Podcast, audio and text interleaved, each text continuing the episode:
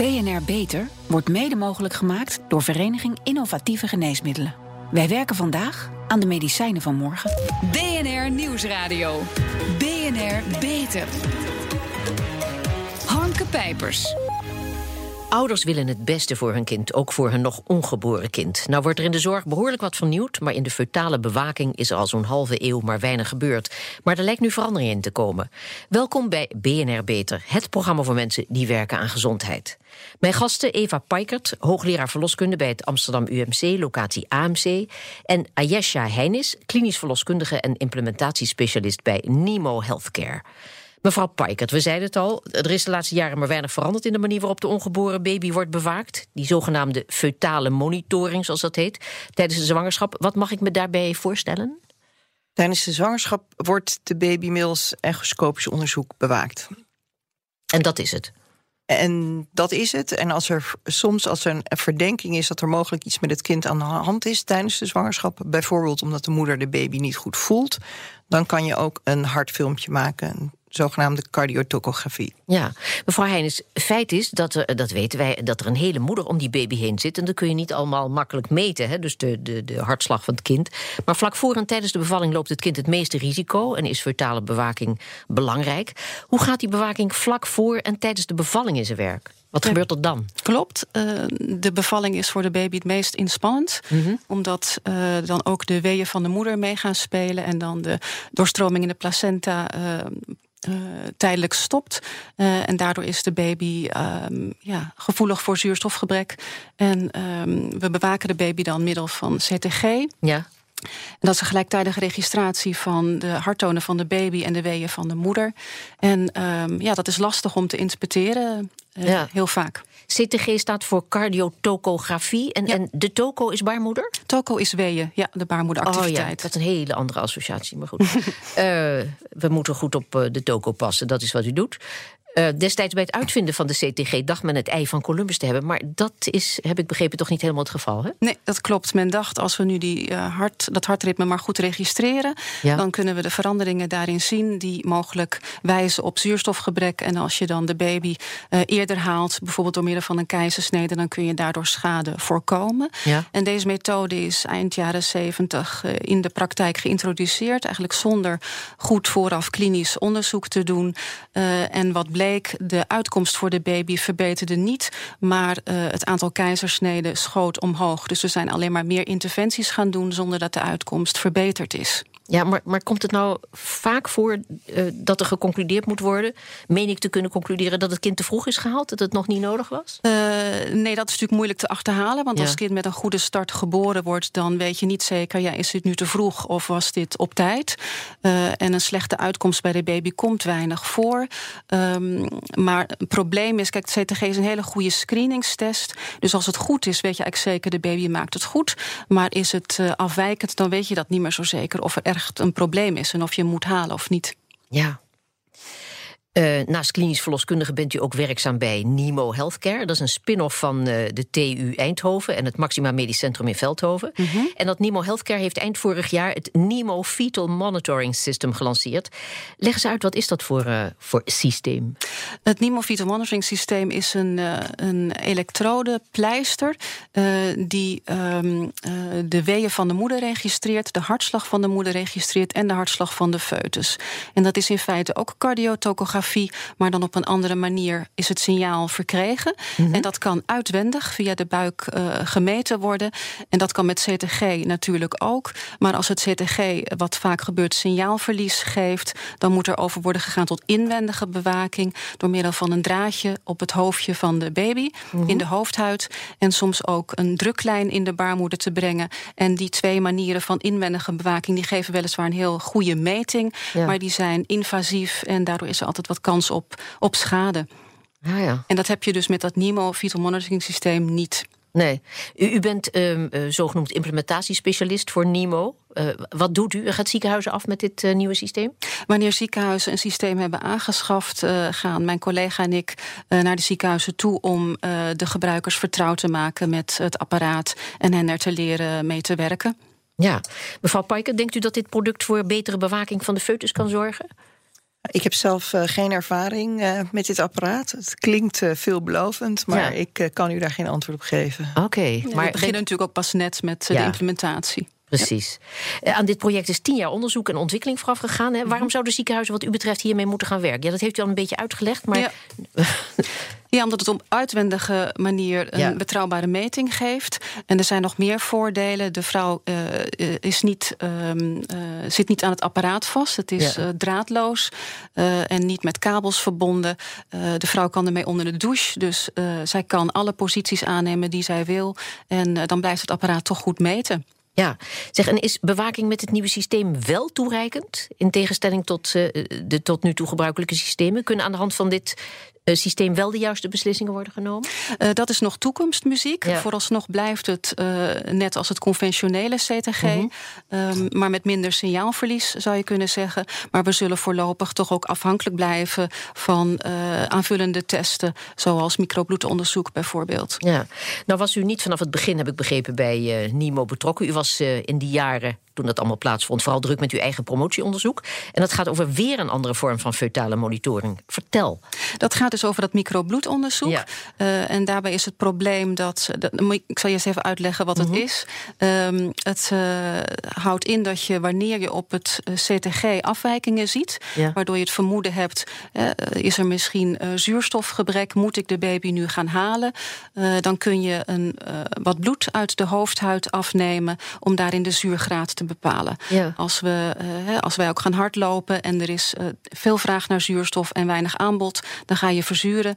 En dat is bij de baby tijdens de bevalling kan dat ook het geval zijn. En dat kun je dus door dat microbloedonderzoek op het spoor komen. Ja. Het probleem is alleen dat dat uh, vaak mislukt, die test. De pH-meting, de zuurgraadmeting.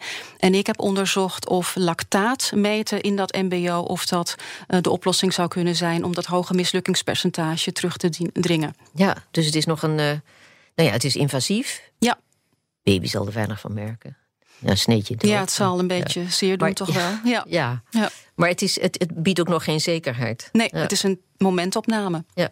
Dus lang niet alle ziekenhuizen, begrijp ik, gebruiken deze methode. Uh, weten we nou uw onderzoek nu wel of die methode effectief is? Nee, nog niet. Uh, nou, ik heb onderzocht of je lactaat kon ja. meten. En dat kan heel goed. Uh, en dat is ook door anderen goed uitgezocht. Maar we weten niet of het MBO aan zich, dus los van welke parameter je meet, ja. of dat effectief is, ja of nee. Daar is eigenlijk nooit goed onderzoek naar gedaan. Ja. Mevrouw Paikert, wat vindt u van dat microbloedonderzoek? Is dat een goede methode wat u betreft? Nou, het microbloedonderzoek is een aanvulling, wat al gezegd is, op het CTG. En ja. Als, uh, het, ja, als de zuurgraad van de baby goed is, dan is het een uitstekende methode. Als die wat minder goed is, dan geeft het een soort tijdsindicatie waarbinnen je eigenlijk moet zorgen dat een kind geboren wordt. Ja, um, er waren dan wellicht uh, afgelopen 50 jaar niet veel technologische ontwikkelingen, maar uh, onderzoek wordt er dus wel gedaan. En mevrouw Parkert, ook u doet onderzoek dat met fetale monitoring te maken heeft om daarmee vroeggeboorte te voorkomen. Vertel, wat voor onderzoek is dat? Ja, in uh, vroeggeboorte is eigenlijk het grootste probleem in de geboortezorg. Mm -hmm. Dus de, meest, de grootste sterfte en ziekte van kinderen rondom de bevalling, dat wordt veroorzaakt door vroeggeboorte. Het is zo dat de grootste risicofactor voor een vroeggeboorte is een eerdere vroeggeboorte. Ja. Indien dat uh, vrouwen dat één keer hebben meegemaakt, dan krijgen deze, wordt deze vrouw een pakket van maatregelen aangeboden om een, een herhaling van de vroeggeboorte te voorkomen. Een van de zaken die daarbij gedaan wordt, is dat wekelijks vanaf 16 weken zwangerschapsduur mm -hmm. uh, tot aan 24 weken de baarmoedermond wordt uh, gemeten. Ja. Althans, is dat nu al praktijk? Dat is praktijk. Ja, dat ja. is bij vrouwen die uh, een eerdere vroeggeboorte hebben gehad, wordt, wordt dus tijdens deze periode de baarmoedermond gemeten. En tevens worden deze vrouwen. Want, ja, want wat, even, wat kun je daaraan zien aan die baarmoedermond? Die baarmoedermond heeft een bepaalde lengte. En als deze lengte korter wordt, dan wordt de kans op een vroeggeboorte groter. ja. ja. En tevens wordt deze groep vrouwen al behandeld met progesteron, omdat uh, uit onderzoek blijkt dat uh, progesteron de kans op herhaling van de vroege geboorte significant verlaagt. Ja. Uh, komt het in Nederland vaak voor, spontane vroeggeboorte? Ja, u zei al, het is een van de grootste problemen met bevalling. Ja, vroeggeboorte komt echt ontzettend veel voor. Je moet ja. je voorstellen dat er in, in Nederland ongeveer 170.000 uh, zwanger of bevallingen zijn per jaar. Daarvan bevalt uh, 12.000 vrouwen te vroeg voor 37 weken en 1500 vrouwen die bevallen voor 32 weken. En natuurlijk is er een groep vrouwen waarvan je weet dat ze al een keer eerder te vroeg zijn bevallen. Maar een ja. grote probleem is natuurlijk dat er een hele grote groep vrouwen is waarvan je niet weet of ze te vroeg gaan bevallen. Dat zijn bijvoorbeeld de vrouwen die voor de eerste keer zwanger zijn. Nou, en wij proberen toch door middel van de introductie van die baarmoedermondmeting bij iedereen mhm. een selectie te maken of je een verhoogde kans hebt om een vroeggeboorte te krijgen. Want ook bij vrouwen die nooit een vroeggeboorte hebben, heeft gehad, is gebleken dat hoe korter die baarmoedermond is, hoe groter de kans is op vroeggeboorte. En ik zou dat even wel willen schetsen. Is die baar, als die baarmoedermond langer is dan 35 mm, is de kans op een vroeggeboorte 5 procent. Daalt die onder de 30 mm, dan stijgt dat risico al naar 10 procent. En daalt die onder de 20 mm, dan stijgt het risico op een vroeggeboorte boven de 50 procent. En dat geldt ook zowel voor vrouwen die voor de eerste keer hm. zwanger zijn, als voor vrouwen die al een keer eerder een op tijd geboren kind hebben gehad. Oké. Drie op de vier vrouwen willen vaker een echo tijdens de zwangerschap. Dat blijkt uit onderzoek van het programma Hoe bevalt Nederland? Nu is het zo dat twee echo's worden vergoed binnen de eerste 20 weken. Maar volgens velen zorgt dit voor veel onzekerheid. En soms ook voor onverwachte medische complicaties. Ja, de cardiotocografie, de CTG en ook de innovatieve pleister van Nemo, hadden we het al even over, zijn vooral bedoeld om in te zetten tijdens de laatste fase van de zwangerschap. In de periode daarvoor heb je natuurlijk nog de echo. Uh, een echo, is dat een goede vorm van feutale monitoring, mevrouw Parkert? Kun je daar veel uit aflezen? Uh, zeker. Ja. Ja, ja, ja, het hangt een beetje vanaf om, om, welke reden je het doet. Maar er zijn een heleboel indicaties waar de echo zeer geschikt voor is. Ja. Ja, zo kan je bijvoorbeeld, uh, wat natuurlijk heel vaak wat men wil, is dat vrouwen worden tegenwoordig zwanger. En die willen gewoon al heel graag vroeg in de zwangerschap weten, bijvoorbeeld, of, of het over een hartactie is. En dus die willen daar graag gerustgesteld in worden. En dan is een echo heel effectief. Ja, maar uh, ik heb van u begrepen dat u het, uh, niet alleen vrouwen willen dat, maar dat u het ook nodig vindt dat er wat meer echo's worden gedaan dan wat er nu in het systeem geregeld is. want dat zijn er dus nu twee. Ja. Ja, het zou er meer moeten worden. Vertel waarom. Ik denk dat het er meer moet worden. Ik denk aan de mhm. ene kant is er, zoals je al zegt, de, de vrouwen vragen erom. Ja. Eh, vanwege die geruststelling. Nu krijgen vrouwen twee echo's. De eerste echo die wordt gedaan rond een week of tien om uit te rekenen wanneer de vrouw is uh, gaat bevallen. En dan is er een tweede echo rond de 20 weken. En dat is om grote uh, structurele afwijkingen bij het kind uitsluit dan wel aan te tonen. Ja. Ik denk dat met name die 20 weken echo, uh, die is fantastisch. Die moeten vooral mhm. blijven. Ja. Maar bepaalde grote structurele afwijkingen, die kan je ook al in een vroeg tijdiger stadium herkennen. Bij hoeveel weken? Waar Bij 13 weken. Dus ik, ik pleit er echt extreem voor dat die 13 weken echt echo per omgaande wordt geïntroduceerd Want in wat is het rendement zeg maar, van die echo op, bij 13 weken? Wat... Het rendement is dat uh, vrouwen eerder gerustgesteld worden... dat er geen echte grote afwijkingen zijn. En het biedt meer uh, tijd om aanvullende diagnostiek te doen bij die kinderen. Meer mhm. onderzoek. Ja. En het, wat het ook geeft is maar is het zo dat je al 50% van de problemen kunt zien bij die 13 weken? Ja, 50% van de grote afwijkingen die kan je zien. En dan kan je die 20 weken echo bewaren... om de meer subtielere afwijkingen te detecteren. Maar goed, dan zou je dus van twee naar vijf echo's gaan. Wat betekent dat? Meer kosten voor de verzekeraars? Of worden er ook uh, kosten mee bespaard? Nou, ik denk dat het eigenlijk wel budgetneutraal kan. Ik denk mm op dit moment worden er zoveel echo's gemaakt in Nederland op verschillende indicaties. En als je dat meer zou clusteren en iedereen een, een, eenzelfde pakket zou aanbieden, dat je daarmee misschien zelfs ook kosten kan besparen. Ja, ja maar want behalve over centen, daar hebben we het dan nu even over, hebben we het ook over het voorkomen van leed. Dat klopt. We hebben het uiteraard eh, primair over voorkomen van leed. Maar uiteindelijk uh, moeten we natuurlijk ook naar geld kijken. En er is toch steeds meer sprake van integrale geboortezorg. En ik kan me voorstellen dat je die echo's incorporeert in die integrale geboortezorg. En dat je mhm. dus niet meer voor elke echo individueel apart betaalt. Ja. Mevrouw Heijnen, zou u ook voor het uitbreiden van het aantal echo's zijn? Jazeker. Ja, uh, dacht ik al. Want een belangrijk punt uh, ook bij de echo's is het opsporen van uh, groeivertraging. Mm -hmm. En we weten dat kinderen die groeivertraagd zijn, dat die tijdens de bevalling extra kwetsbaar zijn voor zuurstofgebrek. Ja. Dus als je weet dat de moeder zwanger is van een kleine baby, dan weet je dat de fetale bewaking tijdens de bevalling heel intensief moet zijn. Ja. Uh, mevrouw Parkert, in uw oratie uh, zei u dat van de 170.000 kinderen die jaarlijks in Nederland worden geboren, er 1320 rond de bevalling overlijden. Dat zijn er fors meer dan bijvoorbeeld Noorwegen, Denemarken of Zweden. Zou betere feutale bewaking dat aantal doen dalen? Of moeten we daar slechts op hopen? Nou, wat, wat eigenlijk gewoon denk ik nog belangrijker is, is om je te realiseren dat 70% van die sterfte voor, uh, veroorzaakt wordt door vroeggeboorte. Ja. En uh, ik vraag me af of fetale bewaking dat allemaal gaat voorkomen. Waar we het eigenlijk op moeten richten, is voorkomen van die vroeggeboorte. De, um, niet alleen veroorzaakt vroeggeboorte heel veel leed, het is ook eh, kostbaar. Er zijn studies die hebben uitgerekend wat dat uh, kost. Als je dat plaatje extrapoleert naar de Nederlandse situatie, dan kost het ongeveer 320 miljoen op jaarbasis. En dan moet je je voorstellen, als je nou elke vroeggeboorte in Nederland één week zou kunnen uitstellen, dan bespaar je daarmee op jaarbasis 120 miljoen. Dus dat is niet alleen een, een, ja, een geldkwestie, het is natuurlijk ook een, een een zorgkwestie. Want je, je, deze kinderen krijgen een betere start. En die gaan het beter doen in het leven. Ja. Mevrouw Heines, u heeft ook in eh, Zweden stage gelopen. Heeft u er een verklaring voor waarom het daar zoveel beter gaat dan in Nederland?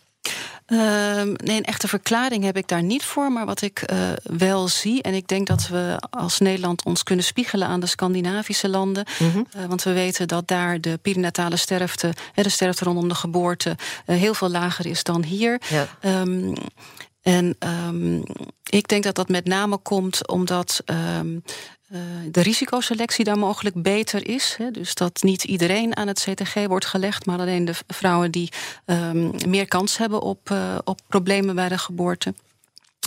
Um, en wellicht de, de, de scholing um, en de ja, kritische casusbesprekingen. Dat men echt toch heel fors investeert in uh, trainen op fetale bewakingsgebied. Want dat moet je toch echt ja. blijven doen. Nou speelt er in Nederland ook nog een ander probleem hè, als het gaat om zwangerschap en geboorte. Want er wordt nogal geschoven, om niet te zeggen gesold met zwangere vrouwen. Allerlei ziekenhuizen, daarvan gaat de afdeling verloskunde dicht. Dat heeft niets te maken met het feit dat er te weinig gynaecologen of verloskundigen zouden zijn, hè, mevrouw Paikert? Nee, het grootste probleem waar uh, Nederland op dit moment mee kampt... is, is het gebrek aan verpleegkundigen. En dat, gewel, uh, dat is ook op verloskundig gebied. Ja, nou zegt uh, het RIVM, berekende afgelopen juni... in opdracht van minister Bruno Bruins van Medische Zorg... dat ook na die sluitingen het overgrote deel van de Nederlandse zwangeren... nog altijd binnen 45 minuten de norm in een ziekenhuis kan zijn. Met andere woorden, mogen we dat zo zeggen... er zijn voldoende voorzieningen? Bent u het daarmee eens? Nou, ik ben het daar gedeeltelijk wel mee eens. Mm -hmm. Want het is natuurlijk zo dat als je, in, uh, als je in nood bent als zwangere, dan kan je altijd ja. overal terecht. Dan, is, dan staat de deur altijd open. Wij zullen nooit een zwangere weigeren uh, waarvan wordt aangekondigd dat er mogelijk een probleem is met het kind. Dus in zoverre is dat een terechte opmerking. Aan de andere kant wil ik de kanttekening maken dat er op dit moment in heel Nederland echt wordt gesleept met zwangeren omdat er plaatsgebrek is. Ja. Er is niet alleen plaatsgebrek op zwangerenafdelingen, er is ook plaatsgebrek op verloskamers. Ja. En er is ook plaatsgebrek op neonatale intensive care units. En ik zou dat. Het zorgt voor heel veel stress tijdens de bevalling. Ja, ook, ja en ik zou dat wel even willen schetsen. Want je moet je bijvoorbeeld voorstellen dat je in Amsterdam woonachtig bent en dat weeën tien weken te vroeg. Uh, beginnen en dat er dus geen plek is in een Amsterdam ziekenhuis. Deze vrouw die gaan uh, die worden uit hun omgeving gehaald, in een ambulance gezet. Die moeten naar Veldhoven, die bijvoorbeeld, of naar Maastricht. Die bevallen daar. En die moeten daar vervolgens weken bivakeren, weg van familie, weg van vrienden, in een vrij stressvolle situatie. Ja, dat is gewoon niet wat je je vrienden zou toewensen. Nee. En uh, voor de bevalling gaan de meeste vrouwen toch naar het liefst naar het ziekenhuis. En daardoor daalt het aantal thuisbevallingen al jaren. Volgens de meest recente cijfers nog maar 13% in 2016. Daar hebben we nog cijfers uh, van. Maar ondertussen geeft de KNOV, de beroepsorganisatie van de verloskundigen, aan... juist nu signalen van verloskundigen te krijgen... dat verloskundigen meer thuisbevallingen doen. En dat zou worden veroorzaakt door het capaciteitsprobleem van de ziekenhuizen. Daar hadden we het net over. Dat lijkt me een zorgelijke ontwikkeling, mevrouw Paikert. Ja, dat is absoluut zo. Als je met verloskundigen in de regio Amsterdam spreekt, dan moeten verloskundigen met een barende vrouw soms wel ja. zes ziekenhuizen afbellen voordat ze plek krijgen. Nou, je kan je voorstellen dat in die tussentijd misschien ook wel de baring thuis uh, vlotter gaat. Ja, ja dat is wel de zeg, situatie. Uh, tot slot, we begonnen deze uitzending met de constatering dat er de afgelopen 50 jaar maar weinig is veranderd op het gebied van fetale bewaking. Maar er gebeurt op dit moment vrij veel. Hoe zal die laatste fase in de zwangerschap er over tien jaar uitzien, denkt u? Ja, dat vind ik een moeilijke vraag. Want ja. in de toekomst kijken, dat uh, is natuurlijk uh, ja, lastig. maar we vragen het vaker in deze uitzending. Ja, we hebben deze onhebbelijke gewoonte. um, Ja, ik denk dat er nog wel wat winst te behalen is voor wat betreft uh, kunstmatige intelligentie. Mhm. En we weten dat het NIMO Vital Monitoring Systeem daarvoor voorbereid is. En dat er wellicht meer informatie uit dat feutale ECG te halen valt. Maar dat is toekomstmuziek. We zullen Ja. het voorlopig toch moeten doen met dat CTG en de beperkingen daarvan. En dan denk ik dat we toch vooral moeten inzetten op eh, meer training, scholing en ehm, ja, daar goed eh, en 24/7 ek- eh, ervaren mensen op de werkvloer. En mevrouw Parkert hier roerend mee eens? Of heeft u nog Ik, een eh, suggestie? Want we hebben heel weinig tijd. Ik sluit me hierbij aan. Goed zo. Hartelijk dank, Eva Parkert en Ayesha Heinis. Pioniers in de zorg. Onze zorgredactie speurt naar interessante medische innovaties binnen en buiten de muren van de universiteit. Waar werken ze aan? Wat moeten wij hierover weten? Esther Jansen, waar ga je het over hebben vandaag? Nou, vandaag over de invloed van voeding op kanker. En dan vooral eh, vandaag op eh, langzaam groeiende prostaatkanker. Ehm, Zo'n 10.000 mannen per jaar krijgen die diagnose prostaatkanker. En daarmee is het de grootste kanker onder mannen. Ja, en voor die mannen zou het heel goed zijn om kritisch naar hun voeding te kijken. Ja, veel patiënten proberen natuurlijk al met voeding ervoor te zorgen dat het eh, beter met ze gaat, dat ze zich beter voelen. Eh, maar vaak weten ze dan niet wat ze het beste zouden kunnen eten. En van de stof lycopene wordt in ieder geval eh, al aangenomen dat deze een beschermende werking kan hebben bij prostaatkanker. Deze stof zit in, eh, onder andere in tomaten. Maar voordat je tegen alle mannen met prostaatkanker kunt zeggen: eet meer tomaten, moet er eerst meer onderzoek worden gedaan. Ja, en mannen die hieraan voldoen, wat, wat kunnen die verwachten van het onderzoek? Want het onderzoek dat gaat er nu komen, hè? Ja, dat, onder leiding van het Erasmus MC gaat het onderzoek plaatsvinden. Ze zijn al een tijdje bezig met, de met de voorbereidingen voor dit onderzoek. eh, en zoeken ook nog steeds, meer, eh, nog steeds naar deelnemers. Het gaat dan om mannen met de diagnose prostaatkanker. en die op een zogeheten actief afwachtend beleid staan. Eh, dat betekent dat er besloten is om voorlopig nog even niks te doen. en gewoon te kijken wat de ontwikkelingen zijn. Ja. En die daar, mannen die daaraan kunnen voldoen, eh, daarvoor belde ik met Gaston Remmers om te vragen wat hij dan kunnen verwachten. Hij is eh, de oprichter van het platform Patiënt en Voeding. Zelf heeft hij tongkanker gehad en daarvoor kreeg, eh, kreeg hij ook nog een infarct en moest hij een nieuwe heup. Nou, allemaal ellende terwijl hij nog maar 47 was en gezond leefde, dacht hij. Hij wilde weten welke voeding hem het beste zou helpen bij zijn herstel. Maar over de invloed van voeding op het herstel bij kanker was nog maar weinig bekend. Daarom heeft Remmers ook dat platform dus opgericht. En eh, op zijn aandringen gaat het Erasmus MC dus nu onderzoek doen. En eh, vertelde hoe dat onderzoek dan ongeveer te werk gaat. Nou, als je daaraan voldoet, dan kun je in principe meedoen. En dan word je ingelood in een van de drie onderzoeksgroepen. En dat betekent dus dat je of gewoon je, de schijf van vijf volgt, als een soort controle. Of je gaat een voedingspatroon met een speciaal dieet volgen. En dan krijg je nog wat coaching bij en je krijgt de receptuur. En dan ga je zelf naar de winkel om die producten te halen. Of je krijgt hetzelfde als die tweede groep, maar dan krijg je de producten thuis gestuurd. En ook nog de producten waar dan verhoogde inhoudstoffen in zitten. Ja, en de deelnemers die weten van tevoren niet, eh, en ook de onderzoekers niet, wel in welke van die drie groepen ze dan terechtkomen. Ja, uiteindelijk hopen de onderzoekers dan met een voedingsadvies te kunnen komen. Ja, dat is wel de ambitie van zowel eh, Remmers als de onderzoekers van het Erasmus MC. De verwachting is dat eh, mannen vanaf eh, maart hun voeding gaan aanpassen. Ehm, dan gaan ze echt officieel beginnen met dat onderzoek. En dat moeten ze dan drie maanden volhouden. En na die drie maanden wordt dan gekeken wat het effect is en of dat dan kan leiden tot een advies. Kortom, to be continued. Dankjewel, Esther Jansen.